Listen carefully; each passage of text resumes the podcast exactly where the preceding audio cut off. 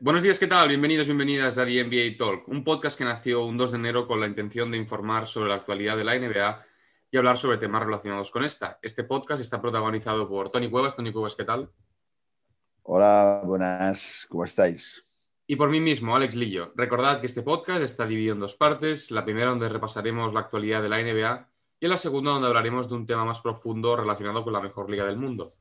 El tema del día de hoy es empiezan los play-in y está narrado por mi compañero Tony Cuevas. Dicho esto, empezamos con la actualidad de la NBA. Bien, y la semana pasada hablábamos de que Russell Westbrook había empatado a Oscar Robertson con 181 triples dobles conseguidos a lo largo de su carrera. Pues bien, lo ha superado, 182 triples dobles, un hito histórico, jugador número uno en triples dobles de la historia de la NBA, imparable y con este nivel de confianza asusta. Hablaremos posteriormente de cara al play-in.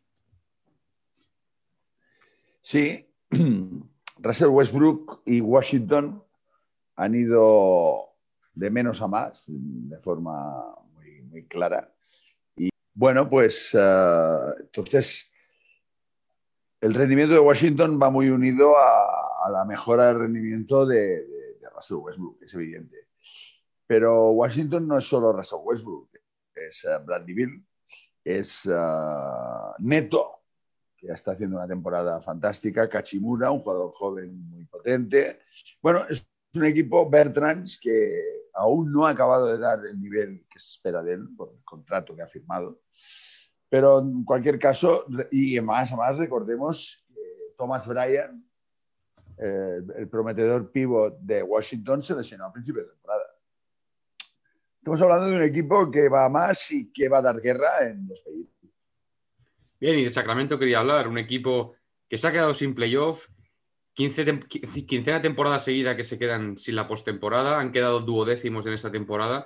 Una lástima, ¿no? Un equipo que prometía con buenos jugadores de Aaron Fox, Marvin Bagley, Buddy Hill, jugadores que, bueno, que ya son jóvenes, pero ya llevan unos años en la liga, que pensábamos todos que podían entrar en playoff y finalmente no ha sido así. Y vuelve a ser una, bueno, un fracaso para una plantilla que prometía hacer un poco de ruido. Sí, la, la palabra que se me viene a la cabeza cuando pienso en los Sacramento Kings es decepción. Ha, sido decepcionante el rendimiento de los Kings, ¿no? Como tú dices, incluyendo a Harrison Barnes, que ya es un jugador pues, con, un cierto currículum en la NBA, con un cierto prestigio. ¿no? Ah, esta plantilla, a principio, pues ah, daba, daba, que pensar en que, tocaría en playoff, teniendo en cuenta que en el oeste los playoffs están muy caros, pero bueno, tocaría play-in. ni una cosa ni la otra, eh, se ha quedado a las puertas de todo.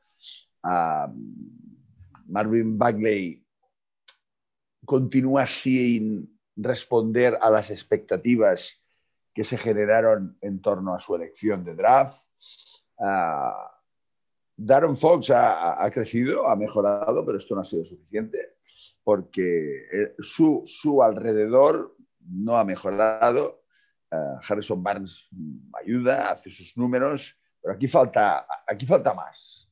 Y el nivel, no olvidemos que el nivel de NBA es muy exigente y que a veces ya no es tanto cómo estás tú, sino cómo están los demás. Y no es que Sacramento haya sido un desastre, pero no ha sido suficiente. Y la decisión es ver que no ha sido suficiente.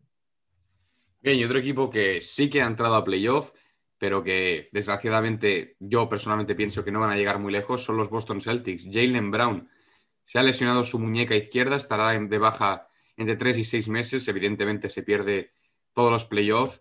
Y bueno, yo pienso que o Jason Tatum mete 60 puntos por partido o estos Boston Celtics van a pinchar, a lo mejor no en primera ronda, o a lo mejor sí, pero estos Boston Celtics se han quedado sin postemporada ya, una lástima por un equipo que prometía, ha sido muy irregular, pero ahora venía la gracia ver cómo, cómo rendían en estos playoffs y no va a ser así, porque se han quedado sin su segunda máxima estrella. Bueno, mm, sí, la, ausencia de Jalen Brown en principio es una, es una mala noticia en principio y en final. Pero veremos.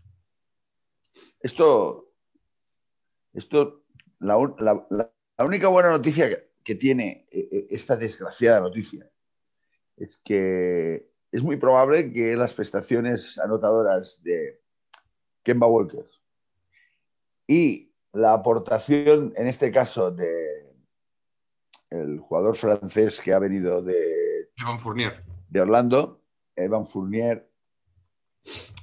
Ahora, la, presencia de Fournier tiene más sentido. O sea, ahora eh, es curioso, es contradictorio, pero es que es así. La, desaparición de Brown será bueno para Fournier, indiscutiblemente. Y será bueno para Kemba Walker. ¿Esto qué quiere decir? Pues seguramente quiere decir poco, porque no, creo, no creemos que sea bueno para Boston. No creemos que sea suficiente para que Boston haga mucho ruido en playoff. Y porque recordemos que no está el horno para bollos. Aquí no se regala ni una coma, ¿no?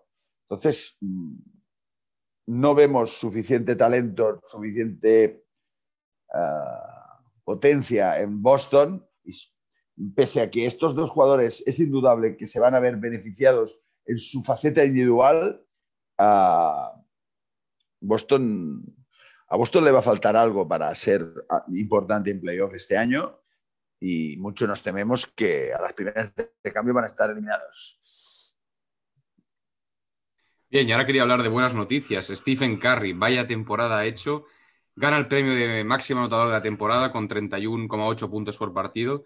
Igual a Michael Jordan como único jugador por encima de los 33 años que consigue esta distinción. Imparable, partidos de 60 puntos, de 50 puntos, de 40 puntos. Liderando a los Golden State Warriors que sin Clay Thompson iban un poco a la deriva, ¿no? Y sin duda, temporada de MVP, sin duda.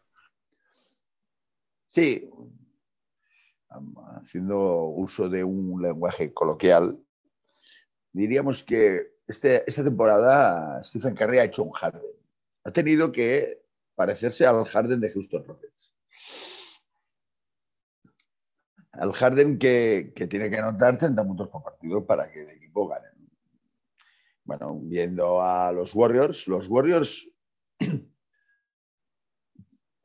El problema de los Warriors actuales es, aparte de la ausencia, y la ausencia de, de lo agrava más, es que tenemos a tres generaciones en los Warriors.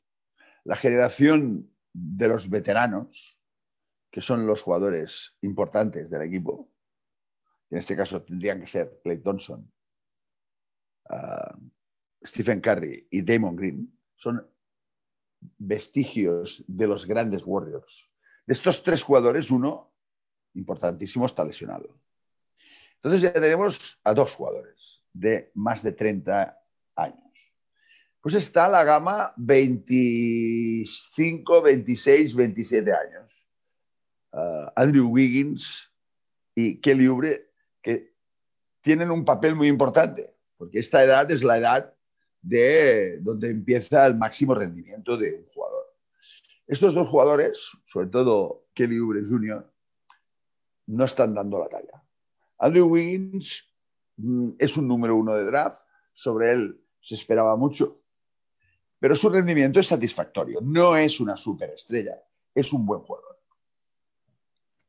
Y después está la gama de los jóvenes. Wiseman, Eric Pascal, que también se ha pasado mucho tiempo lesionado, y un sorprendente Jordan Poole, que tengo que confesar que cada día me gusta más y que será un muy buen jugador de baloncesto.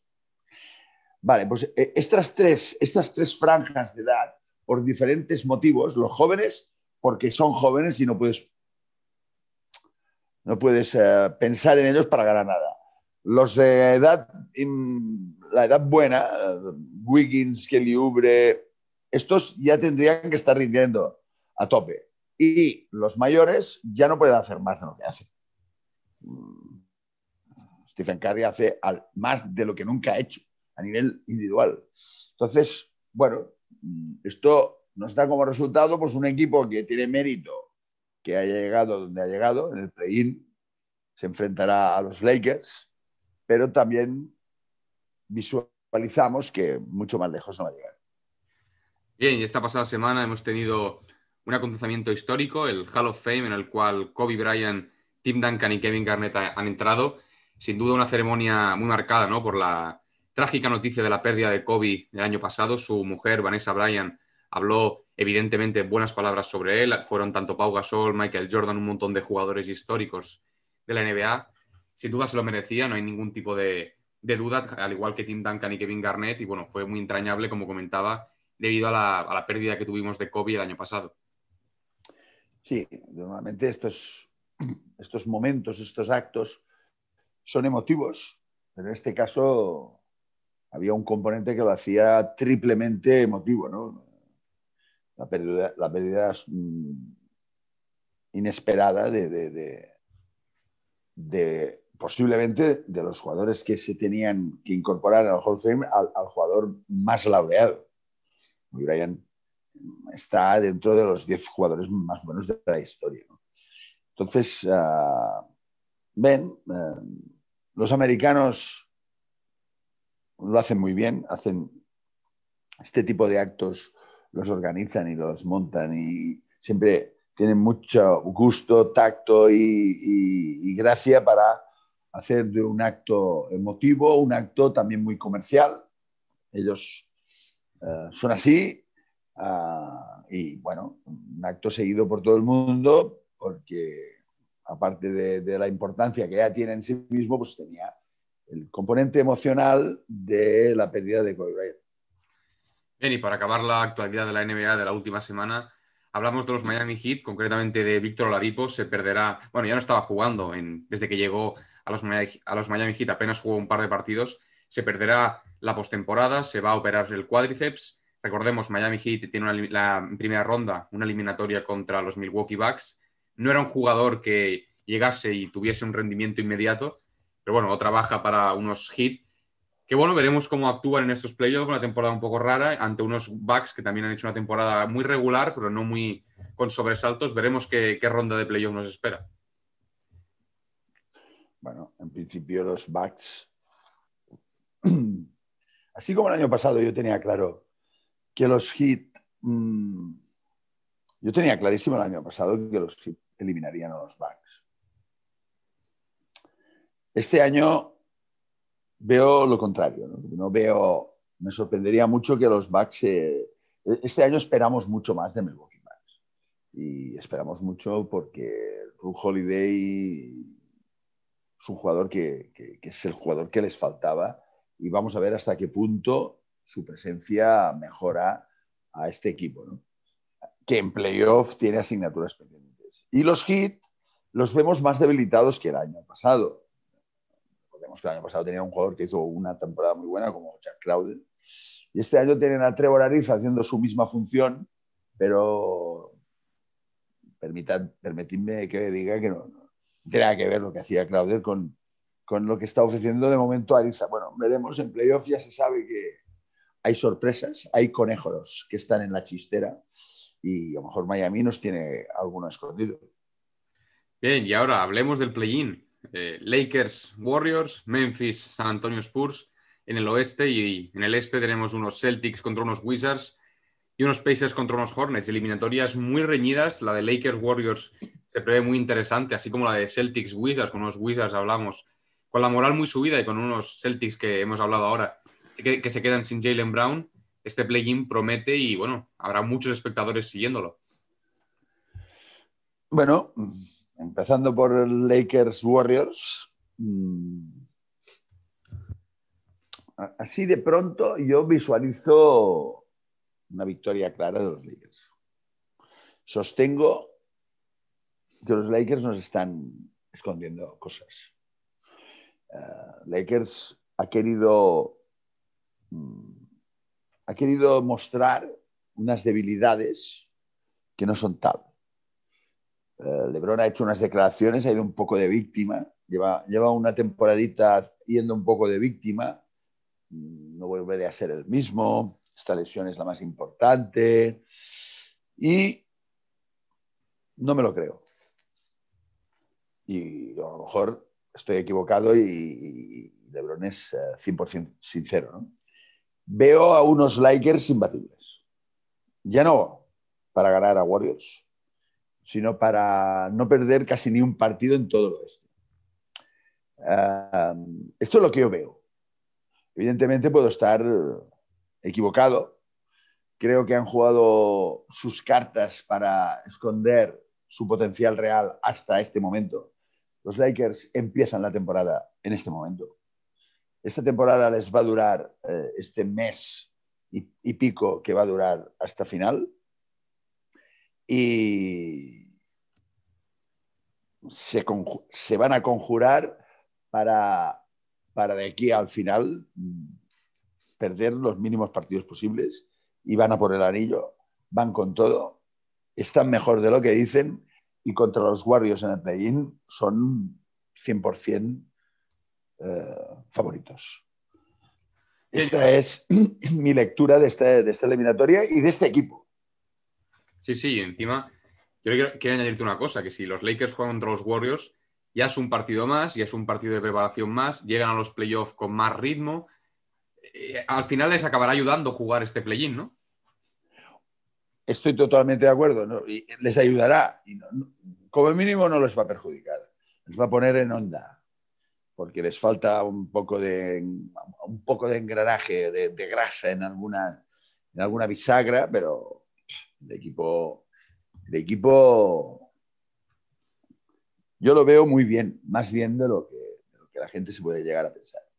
Por lo tanto, en esta eliminatoria, que es lo que nos ocupa ahora, los Warriors se pueden dar por satisfechos, eh, harán todo lo posible, pero el potencial de los Lakers supera mucho la plantilla de los Warriors.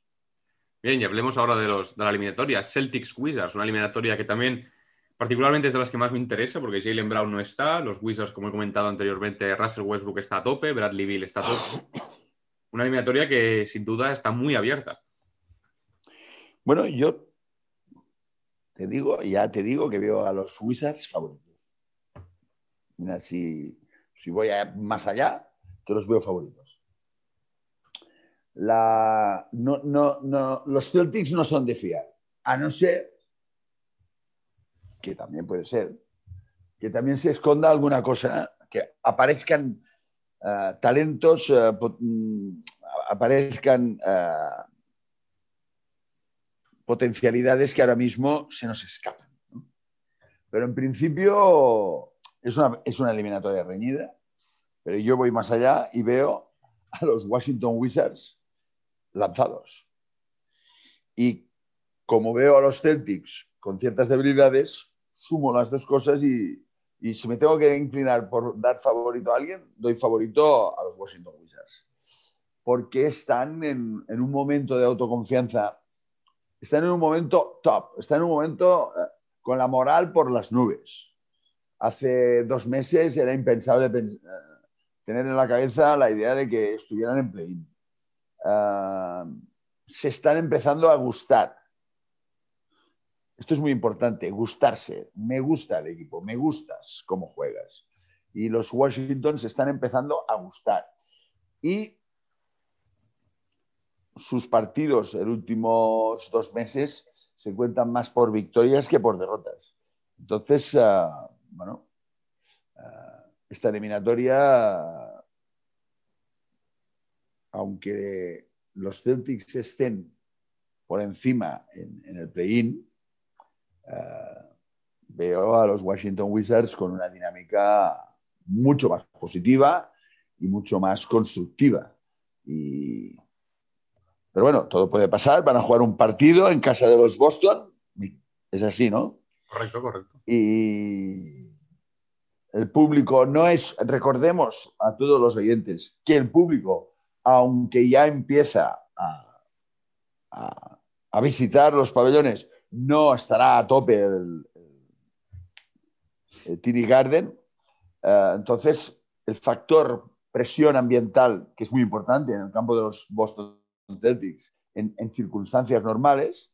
Eh, recordemos que en esta eliminatoria habrá público, pero no será un público con una capacidad uh, de, de, elemento olla a presión que normalmente acostumbra a ser el campo de los Boston Celtics. Por tanto, esto le da un poco más de chance al equipo visitante, que en este caso es los Washington. Bien, y ahora vamos a hablar de los Memphis Grizzlies contra los San Antonio Spurs, unos Spurs que han hecho una temporada, bueno, sin hacer mucho ruido, ¿no? Un equipo muy colectivo, de Mar de Rosen como gran líder, podríamos decirlo así, contra unos Grizzlies jóvenes, muy jóvenes, Jamoran, eh, Jaren Jackson Jr., Brandon, Clark, jugadores muy jóvenes que, bueno, su primera experiencia en un play-in y, si pasan en unos playoffs, una eliminatoria divertida, ¿no? Que yo particularmente me da igual quién gane, me gustan los dos equipos, pero que se prevé muy divertida, como comentaba.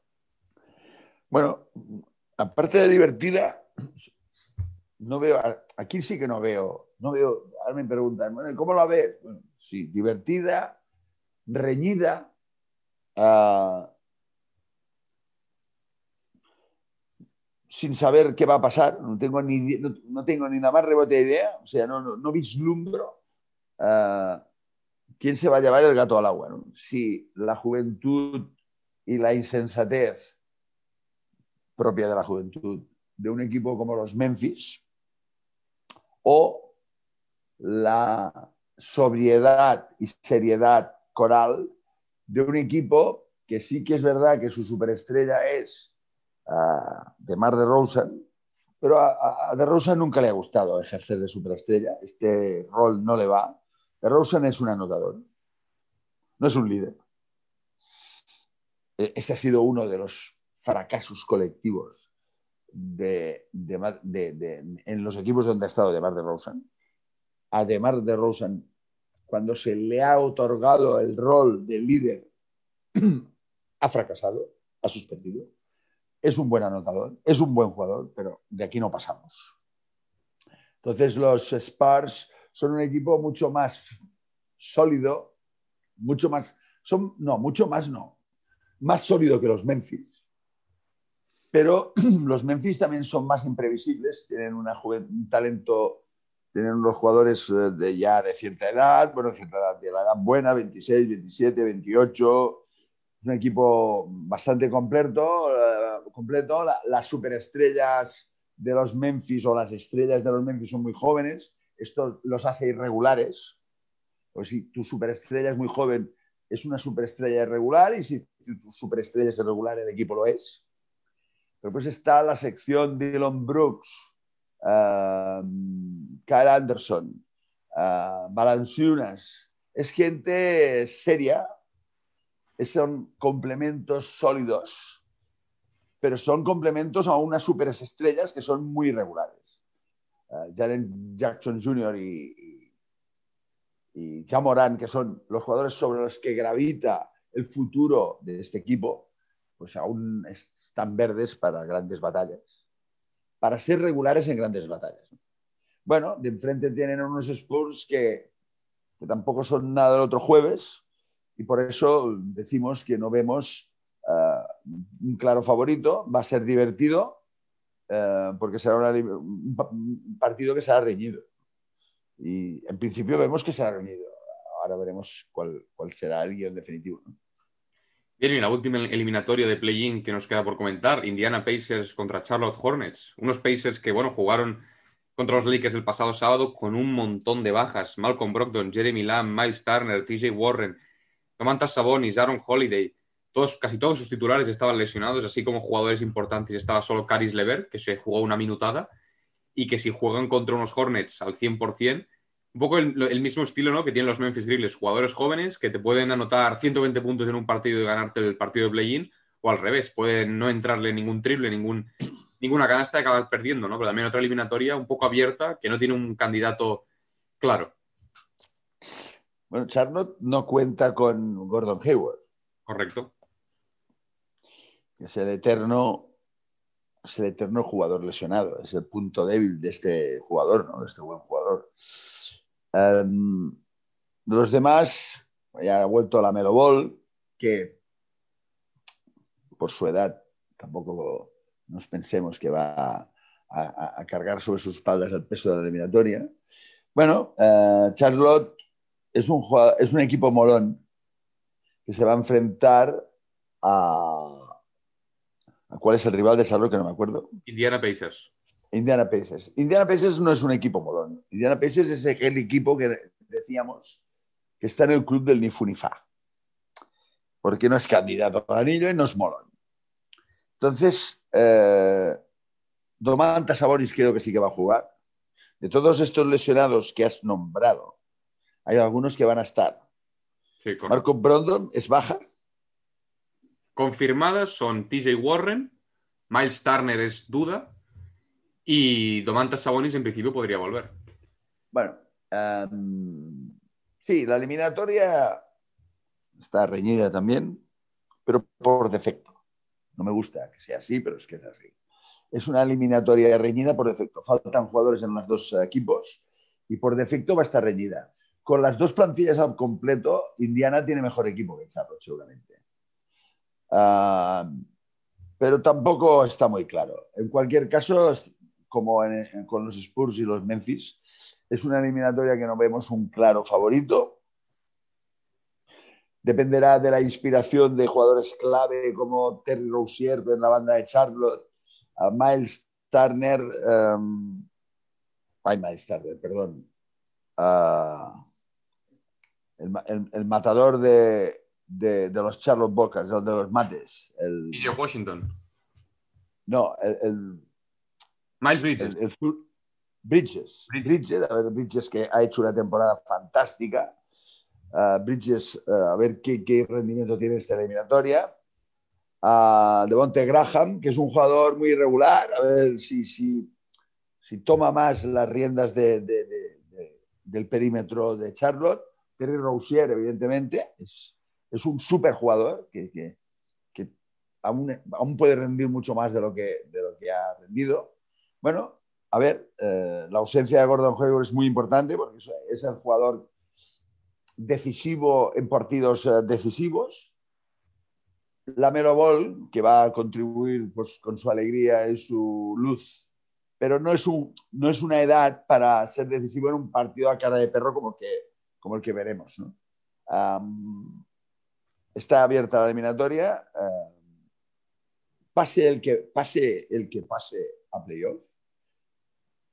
No visualizamos mucha larga trayectoria, ni, Indiana ni Charlotte no son dos equipos que tengan que tengan mucho que decir eh, en los playoffs, pase quien pase, ¿no? Así como en el caso de los Lakers, eh, continúo diciendo que es máximo candidato al anillo y está en un play-in. Ah, aquí sí que no veo, no veo por ninguna banda que cualquiera de esos dos equipos que pase a playoffs, ya sea Indiana o ya sea Charlotte, pues puedan hacer mucho ruido en el este contra el equipo que le toque, que les, les tocaría jugar con los Nets o con, o con Filadelfia. Filadelfia. Bueno, eh, no, no lo vemos muy claro. Bueno, no lo vemos nada claro. Ahora que se centren en el play-in, que pasen, lleguen a playoff, será un éxito eh, para cualquiera de los dos equipos y, y ya está. Bueno, y encima es que es curioso porque no hemos comentado el formato.